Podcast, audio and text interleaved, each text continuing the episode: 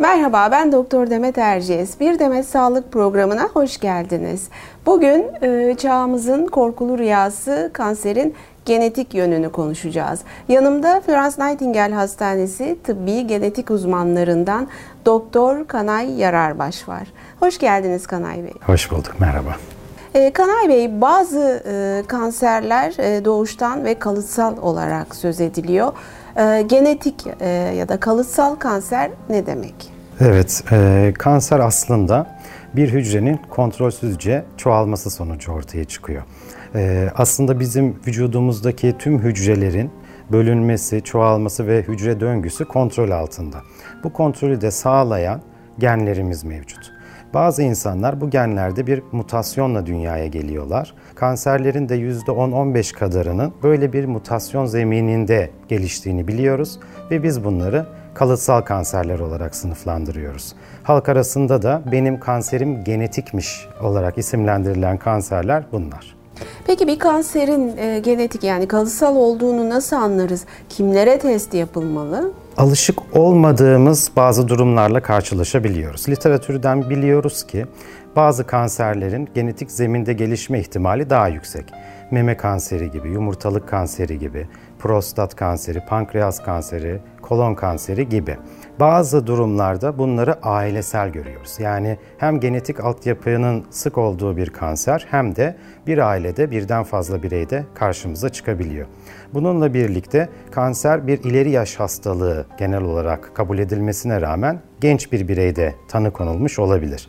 Ee, bundan başka bazı kriterlere de bakarak bazı kanserler için de özellikle biraz önce söylediğim yumurtalık gibi, pankreas gibi yaştan da bağımsız, aile öyküsünden de bağımsız olarak genetik yönünü araştırmak gerekiyor. E, bu genetik testten e, kastiniz ne? Yani neye bakıyoruz? Nasıl ne gibi bilgi alıyoruz? Hücre döngüsünü kontrol eden genler dedik.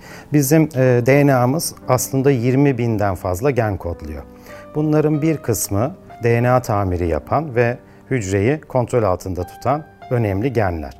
Bu genlerden özellikle daha iyi bildiklerimizi, kılavuzlarımızda yayınlanmış, uluslararası konsensuslarca kabul edilmiş ve sonuçlarıyla ne yapacağımızı bildiğimiz bazı genlerin şifresini okuyoruz. Bunlardaki mutasyonlar yıllardır yayınlanıyor ve veri tabanlarımızda yer alıyor. Bizim yaptığımız genetik e, teknolojileri kullanarak bu genlerin şifresini okumak ve hastamızın böyle bir gende bir mutasyonla dünyaya gelip gelmediğini araştırmak.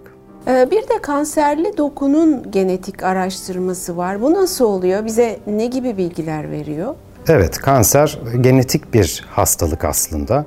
Kanserin ortaya çıkış mekanizması genetik olduğu gibi ilerlemesi de kendi yeni kazandığı genetik özelliklerle e, bir şekilde çoğalmasının iyice kontrolden çıkması ve yayılmasını içeriyor.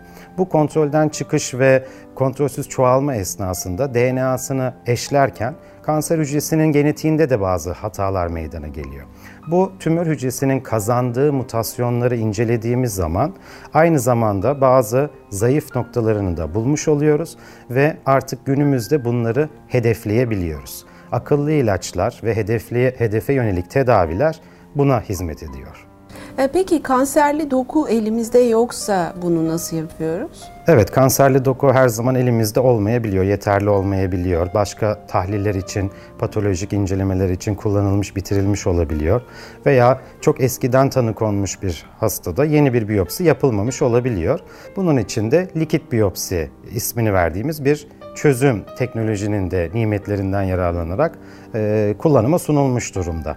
E, bizim kanımızda tümörlü hücreden salınan serbest DNA parçacıkları olduğunu biliyoruz. Bunları izole edip bizim dokumuzdan ayırıp bu serbest DNA parçacıklarında tümöre ait genetik belirteçleri tarayarak yine akıllı ilaçlar için tedavi hedefleri arıyoruz. Çok teşekkür ediyorum.